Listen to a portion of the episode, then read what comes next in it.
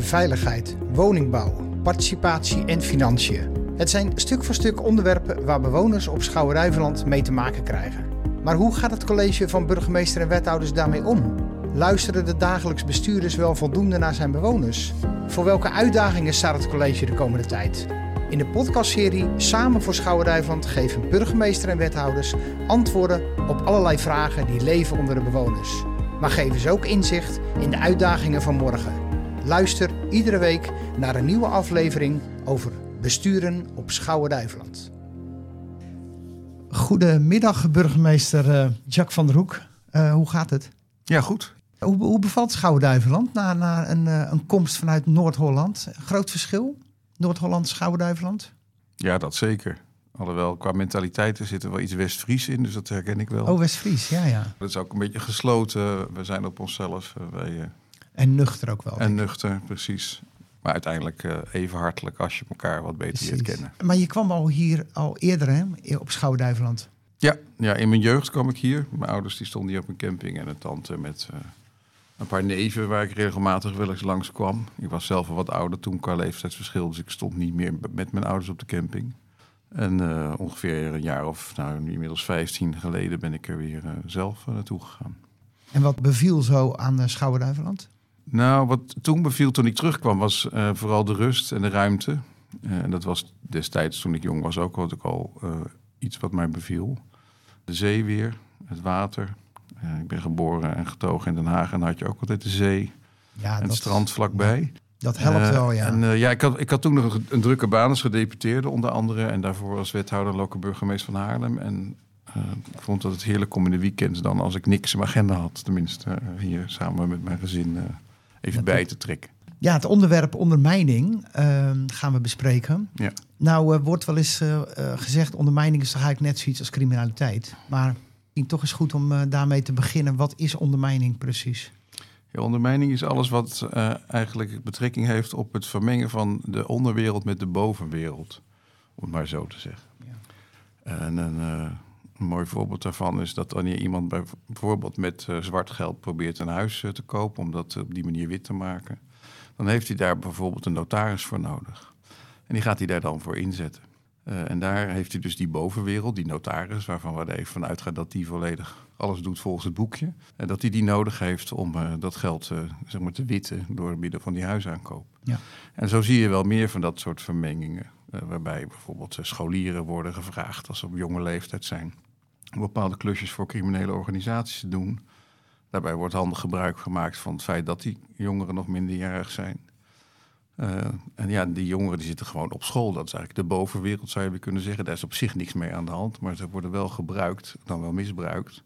En uiteindelijk lopen ze daarmee zelf natuurlijk ook voor een lange termijn, voor de, hun eigen carrière ook een risico. Ja, want één keer fout en in die wereld dan is het vaak wel voor. Uh, ja, als je erin gezogen wordt, hè, je, je, denkt soms even snel makkelijk geld verdienen, dat is het lokkertje. En op een gegeven moment heb je door, ja, misschien is het helemaal niet zo slim, of misschien wil ik nog wel een beroep kiezen waarbij er nog eens wordt gekeken naar wat heb je al maar mee bezig gehouden. En dan willen ze eruit en dan zit je er eigenlijk al te ver in. Dan zeg je, ja, maar dat kan niet meer. Want jij hebt dit gedaan en als je dat als je er nu uit wil, dan uh, maken wij dat bekend of gaan we dat uh, misbruiken. Ja, je staat flink onder druk. Ja. Nou is het, uh, je noemde toevallig net al een paar dingen. Veel mensen denken dan toch van, hé, hey, dat is iets vanuit de, de, stad. Dat gebeurt hier niet. Ja. Is dat zo? Het gebeurt alleen maar in de grote steden. Ja. ja. Nou ja, jammer genoeg gebeurt het in de grote steden. maar hier ook. ik zou zeggen, juist ook daar ligt het risico. Want er zijn bepaalde uh, ondermijnende criminaliteit uh, die juist uh, de rust nodig heeft. Of bijvoorbeeld het platteland. Denk bijvoorbeeld aan het huren van een schuur. Daar heb je weer die bovenwereld. Er is een boer die heeft een leegstaande schuur. Daar is met die boer verder niks aan de hand. Ja. Maar die schuur kunnen, gaan we gewoon huren. Dat doen we ook op een nette manier. Maar vervolgens, als de boer niet meer kijkt... of denkt, nou, dat is een nette huurder... dan gaan we wel een deel van dat pand gebruiken... voor een illegale kwekerij ja, of voor een ecstasy-laboratorium. ja. En uh, is dat nou een trend, die ondermijning, een trend van de laatste jaren? Of is het iets wat eigenlijk eeuwen oud is, maar misschien nu wat meer naar boven komt opnieuw? Ja, dat, dat weet ik niet. Kan ik niet zo zeggen. Ik, weet, ik heb geen vergelijkingscijfer van hoe dat vroeger was. Maar het is in ieder geval zeker iets van deze tijd uh, waar we mee te maken hebben. En die gewoon echt ontwrichtend werkt uh, op de maatschappij op allerlei, op allerlei manieren. Vergunningen die misbruikt worden om bijvoorbeeld arbeidsmigranten op een schandalige manier te huisvesten. ja, dat zijn bijvoorbeeld voorbeelden waar je tegenaan loopt. Precies, mensenhandel. Ja. We hebben ook op straat eens gevraagd aan een aantal mensen hoe ze erover denken. Luister even mee. Ondermijning, slechte praktijken in, in Renesse ik zie ze niet, ik ken ze niet, ik hoor ze niet. Ik kan me niet voorstellen dat er iets aan witwassen gebeurt. Ik heb weinig tot geen last van drugshandel. Of het is het hele kleine beetje wat verhandeld wordt, uh, nou gewoon op de, op de bushalte uh, s'avonds laat. Het zou best. Dat, uh, hè, hier wordt hier natuurlijk ook in drugs gehandeld. En neem ik aan bij de scholen. Dat, maar verder, ja. Wat kan een gemeente daar vooral aan doen, denkt u? Poeh het gebeurt toch, het gebeurt toch. Dat, uh, het gebeurt natuurlijk al zo lang. Dus er is, misschien hebben ze er ooit wat aan gedaan. Maar het blijft gewoon. Op zich uh, is ondermijning uh, iets wat moet worden tegengegaan. Maar niemand geeft precies aan, de overheid dus ook niet, hoe we de ondermijning te lijf kunnen gaan. Want, want hoe denkt u dat een gemeente dat zou kunnen doen? Ik denk dat dat een hele lastige taak is voor de gemeente. Dat dat, uh, en, maar ook voor het Rijk. Het kan alleen maar uh, gaan in goed overleg. En dat alle neuzen van de diverse overheden in alle geledingen dezelfde kant op staan. Ik, ik zie van ondermijning zie ik helemaal niks uh, hier in Zierikzee. Dat, ik denk dat dat meer een randstaddingetje is of zo. Of ja, in Brabant denk ik. Maar hier in Zierikzee, nee. Ik merk daar helemaal niks van. Volgens mij doet de gemeente daar al wel wat aan. Hoor. Af en toe lees ik wel en dan. Maar ja, uh, om mensen te laten verklikken dat iemand dat doet, dat is natuurlijk ook een beetje lastig. Hè? Maar uh, het ondermijnt wel de mensen die er gebruik van gaan maken. Dat is natuurlijk, daar gaat het eigenlijk om. Dat je daarom weg wil hebben. Hoe zijn, die, hoe zijn die zaken nou het beste te bestrijden, denkt u? Uh, door goed, uh, ja, toch wel goed op te letten op elektriciteitsrekeningen. En uh, en verder weet ik het ook niet hoor. Ik, uh, ik vind het een heel moeilijk probleem. Dit gehoord hebbende, hoe serieus is het op Schouwen-Duiveland ondermijning? Het is, ik zou zeggen, net zo serieus als overal in Nederland. Ik hoorde net iemand zeggen van je ziet er eigenlijk heel weinig van. dat is natuurlijk precies ook het probleem. Het zijn vaak uh, kleine signalen waar je even alert op moet zijn. Dat is ook wel waar we ook het, uh, het grote publiek voor nodig hebben dat we je even meldt bij de gemeente of bij de politie. En dat kan eventueel via meldmisdaad anoniem.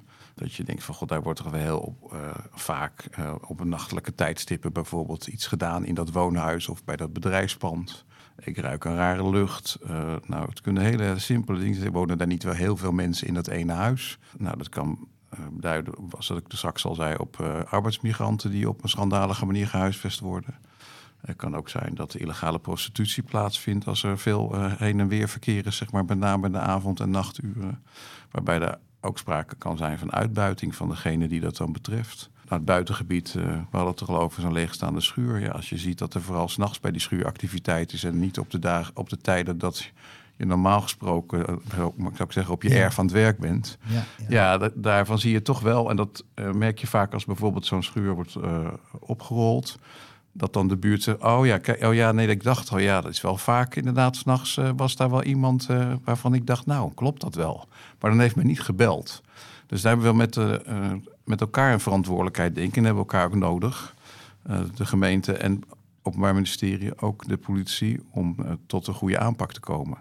Eh, je hoeft daar verder zelf niet veel aan te doen, maar opmerkzaamheid en dan melden is er al één belangrijke stap die, uh, waar we in, met elkaar kunnen voor zorgen dat Schouwen-Duiveland een stuk veiliger blijft. Wat zijn nou zaken die uh, wat betreft ondermijning spelen op Schouwen-Duiveland? Of speelden? Nou, eigenlijk het hele palet. Ja. Uh, we hebben wel eens uh, illegale hennepkwekerij opgerold, uh, de, prostitutie illegaal, arbeidsmigranten niet goed gehuisvest zijn, ik zei het net al. vergunningen die worden misbruikt om illegale activiteiten mee te kunnen verrichten. het gebruik van loodsen of bedrijfsterreinen, panden daar zo op een manier die niet kloppen. Dit is eigenlijk het hele aspect wat je ook gewoon in de Randstad ziet. Ja. De jachthavens, we hebben uh, mensensmokkel is er bijvoorbeeld één. Uh, je ziet dat natuurlijk de focus ligt op de grotere zeehavens. En dan gaat het soms om meerdere mensen tegelijk. Maar ja. ook dat hebben de mensensmokkelaars al goed door. Dus wat je dan ziet is dat de trend verschuift naar bijvoorbeeld vanuit de kleinere jachthavens met een paar mensen de oversteek naar Engeland proberen te wagen. Uh, dus ook dat kan bijvoorbeeld op een gegeven moment op gaan vallen. Je zegt, god, die gaat toch wel heel vaak het gat uit uh, met de vreemde gasten aan boord. Is dat nou iets wat inderdaad... in Frankrijk zie je dat in grote getalen met, met vrachtwagens... dat ze erin ja. kruipen. Nou, de beelden zijn bekend. Maar gebeurt dat hier in, in, in klein verband al vanuit de jachthavens? Ja, vanuit de jachthavens wordt dat, daar zijn ook aanhoudingen op verricht. Zijn mensen aangehouden die probeerden op die manier eh, richting Engeland, waar men probeerde op die manier mensen naar Engeland te smokkelen. Is het de afgelopen jaren toegenomen? Is er voldoende aan gedaan ook op Schouwduiveland? We doen er steeds meer aan. Het is een beetje lastig, want het is een beetje, zeg ik altijd, als je zelf een rode Volvo koopt, dan zie je ze in één keer overal rijden. Ja, uh, En dat is ook met, met de aanpak van, uh, van de ondermijning uh, zo. We hebben tegenwoordig in ieder geval één keer per jaar, per jaar, een week van de ondermijning, waarbij we allerlei acties doen, waarbij het publiek wordt, juist wordt gevraagd om met die alertheid en dat melden bij te dragen aan, het, aan de aanpak van de ondermijning. We doen uh, meer dan in het verleden integrale controles. Bijvoorbeeld bij een jachthaven of bijvoorbeeld bij een bedrijventerrein... waar we echt van pand naar pand gaan kijken. U zegt dat u, ik noem maar wat, een leverancier en diervoerder bent. Bent u dat ook? Ja, oké, nou hartstikke fijn, bedankt. Gaan we weer naar de volgende. U doet in autobanden, klopt dat? Ja, heeft u verder niks anders raars? En zo gaan we alles af. Zo doen we dat ook in het buitengebied. Houden veel meer, denk ik wel, dan in het verleden in de gaten. Van als je een groot erf hebt en er komen allerlei dingen op te staan van klopt dat? Is dat wel vergund? Welke vergunningen horen daar dan bij? En zijn die vergunningen dan, worden die dan op een goede manier gebruikt? Uh, dat is wel intensiever geworden. We hebben tegenwoordig ook een, met de 13 Zeelse gemeenten, de provincie en het waterschap, de Zeelse de normen uh, voor een weerbare overheid afgesproken. En daar uh, in hebben we afgesproken, ook met OM, met ook mijn ministerie, met de politie, onder andere, om met de marechaussee, met de douane, met de Belastingdienst, om integrale controles te doen. Dus dan kijken we niet alleen maar naar uh, zeg maar het strafbare feit, bijvoorbeeld de strafbare criminele handeling, bijvoorbeeld bedreiging of afpersing. Maar ook uh, ja, eigenlijk het hele plaatje. Heb je ook je belasting wel goed betaald? Gebruik je het pand, zoals ik al zei, wel op de manier zoals je het moet gebruiken volgens de vergunning? Heb je bijvoorbeeld niet illegaal verbouwd? Uh, of uh, uh, heb je een bedrijf erin zitten wat er eigenlijk niet in mag zitten volgens de milieuvergunning. Daarmee trekken we met elkaar op. Ja, levert en, die aanpak ook inmiddels iets op? Ja, die levert zeker resultaten op. Ja, ja, ja, ja. ja we hebben, vandaag is hij uitgekomen. Kijk. Echt vers van de pers, nog in mijn hand. Het komt net uit de vergadering waar ik hem heb overhandigd gegeven. Dat zijn de resultaten over 2023, over de aanpak van de ondermijning in Zeeland. Ja. En dan zie je dus dat dat echt op allerlei vlakken zit. Dat, dat zit maar een paar voorbeelden te noemen. Op buitengebied, op de zeehavens, de jachthavens, bedrijventerreinen, vastgoed, jeugdcriminaliteit. Um, en zit er nog een nieuwe ontwikkeling in? Iets, iets dan, dan andere jaren? Um, nee, ik denk dat de integrale aanpak, dat is echt iets wel van de laatste jaren. Dat we proberen dat goed op elkaar af te stemmen. Uh, zodat uh, degenen die het echt fout doen, eigenlijk geen kant meer op kunnen. In de zin van als je het dan over vroeger moet hebben. Uh, vroeger bijvoorbeeld alleen even de Belastingdienst een keer langskwam. Ja, maar eigenlijk ja. uh, van alles zag terwijl ze door de gangen liepen. Maar dacht ja, het is niet voor ons, want wij zijn van de Belastingdienst. Ja, en dan kwam de milieuinspecteur en die keek alleen maar of de, de middelen die al waren aangemeld op de vergunning, of die inderdaad wel goed verpakt waren. Maar het feit dat er bijvoorbeeld 16 stapelbedden stonden, uh, waarvan die dan misschien dacht: Goh, in een bedrijfspand hoort dat wel. Nachtdienst? Ja, ja wie weet. Uh, En dan misschien iets te veel nog op die manier werd gewerkt. Ja. Dat is echt wel over. Net als in Rotterdam hebben ze de harkteams, hè? Die, die ook integrale teams. Is dat exact. vergelijkbaar? Nee, ja, dat is vergelijkbaar. Zo, zo noemen we dat. En we hebben bijvoorbeeld een sterk instrument tegenwoordig vandaag volop in het nieuws ten aanzien van een hele bekende ondernemer met vakantieparken, zag ik. De wet Bibop, waarbij we, wanneer mensen een exploitatievergunning willen of uh, grote aankopen doen of verbouwingen, we kijken waar komt dat geld vandaan, hoe uh, gebruiken ze hun vergunningen, is dat allemaal wel legaal? Ja. Uh, en dan kunnen we dus ook vergunningen weigeren en dat gaat natuurlijk heel ver.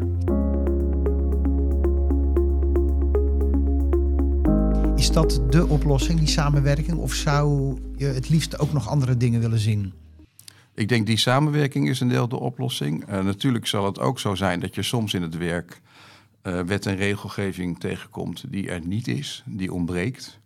Uh, en waarbij je dan ziet dat bevoegdheden worden uitgebreid of wetten of regelingen worden aangepast. En, en, en een ontwikkeling daarvan is bijvoorbeeld dat, ik zag vandaag in, in mijn mail weer verschijnen, de burgemeesters een extra bevoegdheid krijgen om bijvoorbeeld woningen te sluiten. Daar waar, dat is tegen de laatste tijd helaas ook een soort trend aan het worden, men elkaar bedreigt door explosieven aan voordeuren te hangen. Daar kon de burgemeester vanuit zijn positie in het verleden uh, wat minder mee. Nou, die bevoegdheid wordt dan uh, uitgebreid, zodat ik uh, die, daar gebruik van kan wat maken kun je als nu dat wel niet het geval dan? is. Nou ja, dat, dat, kun je om die reden dus doen. Dus er waren uh, ontbraken zeg maar, nog wat criteria op basis waarvan je dat kon doen. Want heeft te maken met is het dan een direct gevaar voor de omgeving of voor de mensen die eromheen wonen, of heeft het een hele negatieve impact op gewoon de leefbaarheid van de wijk, de Ja. manier waarop je daar uh, fijn kan wonen. Ja, dat is wat een burgemeester dus nu met dit wetsartikel beter kan afwegen en dus kan, en kan zeggen, nou ik vind dat zo zwaar wegen dat die woning, ook al is het heel vervelend voor de mensen die er wonen, die moet een tijd dicht om die blijkbaar de criminelen die daar het op gemunt hebben, om het, uh, die uh, te ontmoedigen om daar naartoe te gaan. Ja, dus sneller aanpakken eigenlijk. Ja, zo'n- en zo zal het ook Ja. voor de andere overheidsdiensten in het werk dus nu aan de orde komen. Dat je soms een controle doet, ergens tegenaan loopt. Denk, god, dat kunnen we nou net niet aanpakken, want dat hebben we niet goed wettelijk of op een andere manier geregeld dat dat niet mag. Ja. Eh, Want ook criminelen worden natuurlijk steeds slimmer. Ja, inderdaad. Er zijn er nog hiaten waarvan, waarvan je zegt, ja, dat, dat zouden we eigenlijk nog wel op een andere manier willen aanpakken. Of misschien ook burgers. We zouden toch wel graag zien dat burgers meer melden. Ja, dat sowieso. Mhm. Ik denk dat burgers heel vaak eh, wel iets zien, maar denken, ja, het is niet van mij. Ik snap ook dat daar soms ook een stuk angst bij kan zitten. Ja. Dat mensen denken, ja, eh, als het inderdaad crimineel is wat daar gebeurt. Straks komen ze erachter dat ik dan dat heb gezegd, dan heb ik er een probleem mee. Eh, terwijl tegelijkertijd ze er heel veel last van hebben, omdat het, ze merken dat de buurt er niet fijner of eh, prettiger op wordt. Of omdat het bedrijventerrein eh, s'avonds er niet veiliger op wordt. Nou ja, daarvoor hebben we onder andere, we hadden het er al over, misdaad, meld misdaad anoniem. Daar kan men anoniem melden, dan worden die signalen altijd serieus genomen. Maar zal de melder nooit bekend worden bij degene die wordt aangepakt. Uh, en ja, ik denk dat dat nog steeds wel iets is waar burgers aan toe kunnen bijdragen. Of bedrijven die dingen om hen heen zien op een bedrijventerrein. Maar gebeurt dat ook meer? Gaan Ja, het gebeurt, ja, het gebeurt zeker, zeker meer. Omdat uh, er wordt natuurlijk gezien dat er ook wordt opgetreden. En ik denk dat dit soort dingen zoals integra die integrale acties, die controleacties die we houden ook het uh, besef bij de burger en bij bedrijven groter maken van het is dus ook de overheid met al die partners tezamen er alles aan gelegen om die criminaliteit of uh, de ondermijning uh, aan te pakken.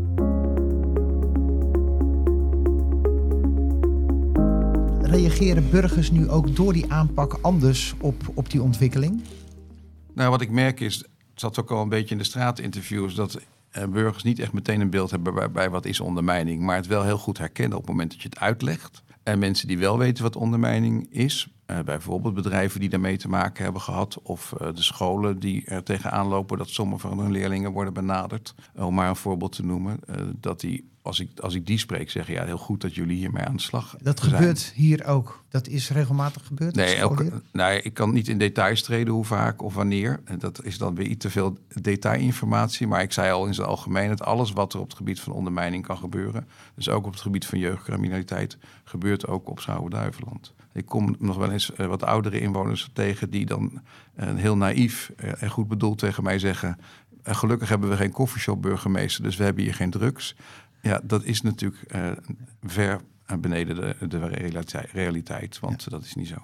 Kun je ja. misschien nog eens uitleggen waarom die koffieshop nou juist niet hier moest komen? De koffieshop in de zin van beleid van of je dat wil of niet op het eiland is aan de gemeenteraad. Maar waarom het sowieso op dit moment denk ik geen goed idee is, en dat, dat zie je natuurlijk ook in de gemeenten waar wel koffieshops zijn, is dat we het niet goed geregeld hebben met elkaar. De achterkant, de toelevering is nog steeds uh, verboden.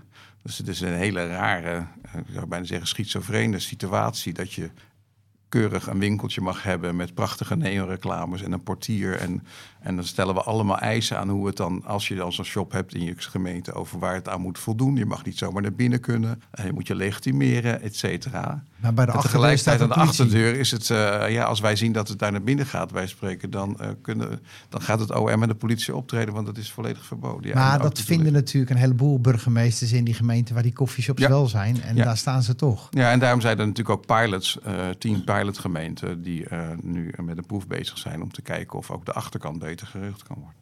En dat is afwachten hoe dat werkt. Maar volgens nog is het beleid op Schouwen-Duiveland geen koffieshop.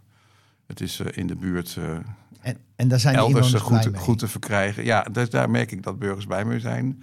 Maar als daar een beeld, be- beeld ontstaat van daarmee is er geen eh, drugshandel bijvoorbeeld op het eiland, wordt er niet gedeeld.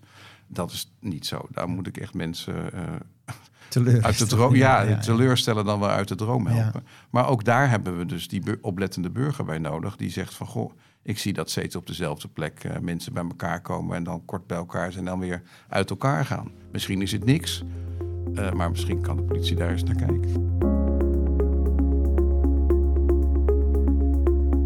Is er voldoende mankracht op Schouwdijvand om het probleem zo groot of hoe klein het hier ook is, maar om dat aan te pakken allemaal? Het vraagt natuurlijk nogal wat. Hè? Ja, het vraagt, het vraagt zeker wat. En daarom is die samenwerking natuurlijk ontzettend belangrijk. Dat alle diensten, alle partners daaraan bijdragen. Eh we hebben ook vanuit de gemeenteraad, als ik het even bij de gemeente Schouwen-Duiveland zelf hou, ook geld gekregen. Want die vindt die aanpak van die ondermijning ook zeer belangrijk. Om eh, speciaal daar een ambtenaar voor eh, aan te stellen. Die is ook eh, afgelopen 1 november begonnen. Dus die houdt zich sec en alleen maar met die ondermijning bezig, met allerlei signalen. Dus ook eh, A, vanuit die samenwerking met de andere partners. Maar ook is hij er, als er signalen bij ons binnenkomen, om met meneer, mevrouw die dat meldt of met een bedrijf in gesprek te gaan van wat zie je dan? Om te kijken van eh, wat er aan de hand is. Dat die ambtenaar is aangenomen, dat zegt wat over de toename, denk ik dan op het Ja, dat zegt zeker iets over, eh, nou niet zozeer over de toename, maar wel over de noodzaak ertoe. Eh, Wat ik al zei, omdat die ondermijning overal in Nederland is. En echt niet alleen maar in de hele grote steden of net daarbuiten.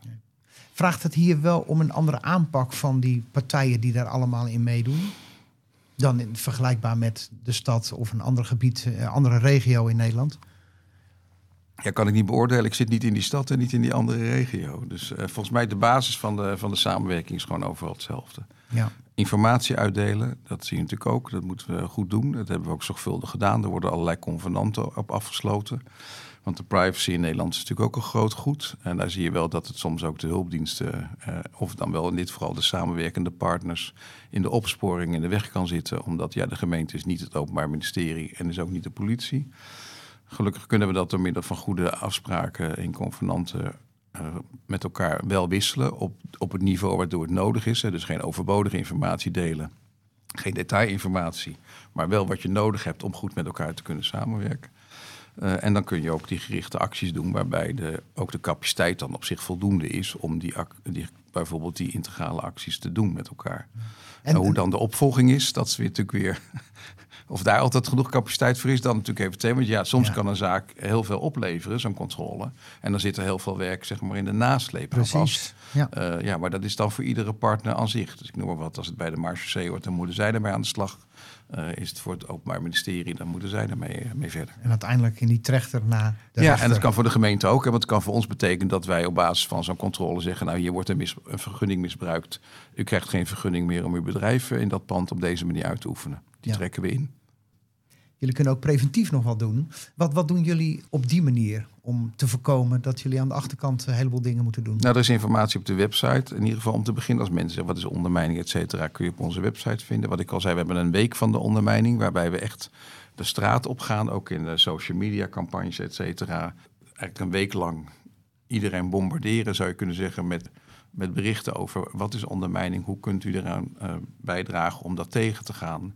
Eh, waar moet u dan op letten? Waar kunt u zich melden? Eh, dat is op die manier. Maar ook bijvoorbeeld naar de scholen om jongeren erop te wijzen. ja. Wat, want Ja. zijn jongeren zich bewust Ja. op Schouwendijveland van het probleem dat zij, eh, nou ja, als ze willen kunnen slachtoffer kunnen worden. Ja. Nee, ook dat, ook dat gebeurt. Zeker, er is een goede samenwerking met de scholen, waarbij we wijzen op die gevaren van, eigenlijk waar we het, eh, deze podcast mee begonnen. Hè, even een klusje doen, wil je even voor eh, een aantrekkelijk bedrag iets wegbrengen of iets halen, of misschien tijdelijk even bewaren thuis en daarna weer afgeven. Dat lijkt allemaal heel onschuldig, is allemaal snel verdiend. Eh, maar uiteindelijk word je op die manier wel zeg maar naar een hoger niveau in die criminaliteit gezogen. Die verschillende vormen van ondermijningen, waar maak je nou het meeste zorgen over als je kijkt naar de ontwikkeling daarvan? Twee dingen, denk ik. De jeugd waar we het over hadden, dat ik mijn grootste zorg. Dat er toch een, altijd een, een deel van de jeugd zal blijven die gevoelig is voor dit soort prikkels, voor dat snelle geld. En dat het ook op steeds jongere leeftijd eh, plaatsvindt. Dus je ziet dat daar eh, soms al echt van kinderen van 11, 12 jaar bij betrokken zijn. En dat, Zo daar, vroeg en, dat, en dat er dus ja, dat wat er echt beredeneerd vanuit zeg maar, de crimineel gedacht, eh, de gedachte achter zit van ja, die zijn vanwege hun leeftijd nog een soort eh, niet vervolgbaar. Hè? Dus daar, ja, die Ja, of in ieder geval veel moeilijker. ja, die gaan niet de lang. gevangenis in, et cetera. En eh, tegelijk, dus dat. En, en, maar de- met, met name de zorg over het vervolg daarvan. Want als ze er inderdaad niet meer uitkomen, hoe krijgen ze dan op een gegeven moment met hulp van anderen misschien nog wel uit dat circuit? In plaats van dat zij het criminele, pad echt opgaan. Ja. Eh, en de tweede is die vermenging van die onderwereld met die bovenwereld. Want datzelfde geldt eigenlijk eh, voor die boer die eh eerst de goede trouw zijn, zijn schuur heeft verhuurd. En erachter komt dat er, misschien komt hij er zelf ook wel achter van hé, dat klopt helemaal niet wat er gebeurt. En daar misschien ook die verhuurder op aanspreekt, of de huurder. En zegt, joh, ik wil dat je hier vertrekt. En dan bijvoorbeeld onder druk kan worden gezet door of bedreiging. Hè, van, eh, goh, je hebt ook een hele leuke dochter en eh, Ja. ik neem aan dat je elke dag wel eh, ook weer terug wil zien. Of bijvoorbeeld omdat hij in één keer een hoop geld erbij krijgt bij zijn huurprijs. En zegt, ja, kijk de andere kant op. Nou, en dan gebeurt eigenlijk hetzelfde als bij die, dat jonge jongetje van 11 op die school. Op het moment dat hij daar eenmaal ja tegen heeft gezegd, dan zit hij in de fuik en dan komt hij daar ook niet meer uit. Maar uiteindelijk eh, leidt dat natuurlijk heel vaak tot eh, ook hele nare consequenties voor de, voor de verhuurder. Idem de- met mensen die bedrijfspanden verhuren. Proberen jullie Dus daar zit mijn zorg. En, en, eh, en die notaris zou het over hadden. Die mensen die echt, waarvan wij denken dat ze allemaal eerzame beroepen, dat die toch onder zo grote druk kunnen komen te staan van criminelen. We kennen volgens mij ook allemaal het, het geval Enstra en zo, dat soort voorbeelden, waarbij die bovenwereld en die onderwereld echt elkaar nodig heeft. En op het moment dat het niet k- goedschiks kan, eh, het ook kwaadschiks kan eh, proberen mogelijk te maken. En dat heeft dan ook weer grote onveiligheid voor de buurt eromheen met zich mee. Proberen jullie nu ook bijvoorbeeld, ehm, we weten allemaal dat de landbouwers het allemaal niet zo goed hebben. De opbrengsten zijn minder, nou inkomsten minder. Er zit dan ook een gevaar in dat ze misschien wat geld bij willen verdienen door hun panden te verhuren. Nou, dan kan ik me voorstellen, hè, nou 1 plus 1 is 2. Kunnen jullie van tevoren al inspelen op zulke soort ontwikkelingen door dan, nou ja, landbouwers bij wijze van spreken, eh, al is het maar met een folder te wijzen op? Ja, die worden ook zeker daarop gewezen. Dat, dat hoort bijvoorbeeld bij zo'n week van de ondermijning. Dat wij al die categorieën mensen die het betreft, en met name eh, mensen die panden verhuren, die eh, stukken land of schuren verhuren, maar ook die woningen verhuren, want daar kun je hetzelfde tegenkomen, dat we die daar met name op wijzen. Op die Ja. gevaren en op die risico's. Ja. Dus wat dat betreft de En ook de signalen die daarbij horen, van waar moet je dan op letten? Want ja, dan kan je ook voorstellen als je een bedrijfspand vuurt, zeg ja, eh, hoe, waar- als iemand gewoon zijn huur op tijd betaalt en dat komt niet, en dat ja. komt niet op gekke tijden, ja, maar Ja. wat heb ik dan daar te zoeken? Wat dat betreft, uitdagingen voor morgen, dus vooral inderdaad die jongeren en ehm, ja, toch die in zijn bre- brede zin, die ondermijning, dat Ja. is toch eh, de uitdaging. Zeker, Ja. maar daar werken we met elkaar allemaal heel hard aan. Mooi. Dankjewel voor dit gesprek. Graag gedaan. Dit was een aflevering in de podcastserie Samen voor Schouwen-Duiveland van burgemeester en wethouders. Wij hopen dat u antwoorden heeft gekregen op vragen die bij u leven en ook informatie over de uitdagingen voor morgen.